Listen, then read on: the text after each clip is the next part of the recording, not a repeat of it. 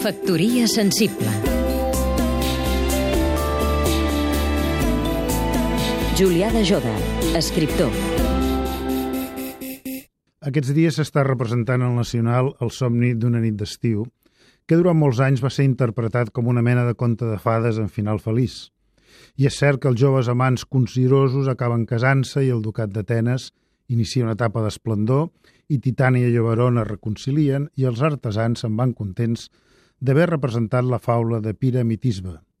Però aquest final de festa ens sembla una concessió al poder, una celebració dels poderosos.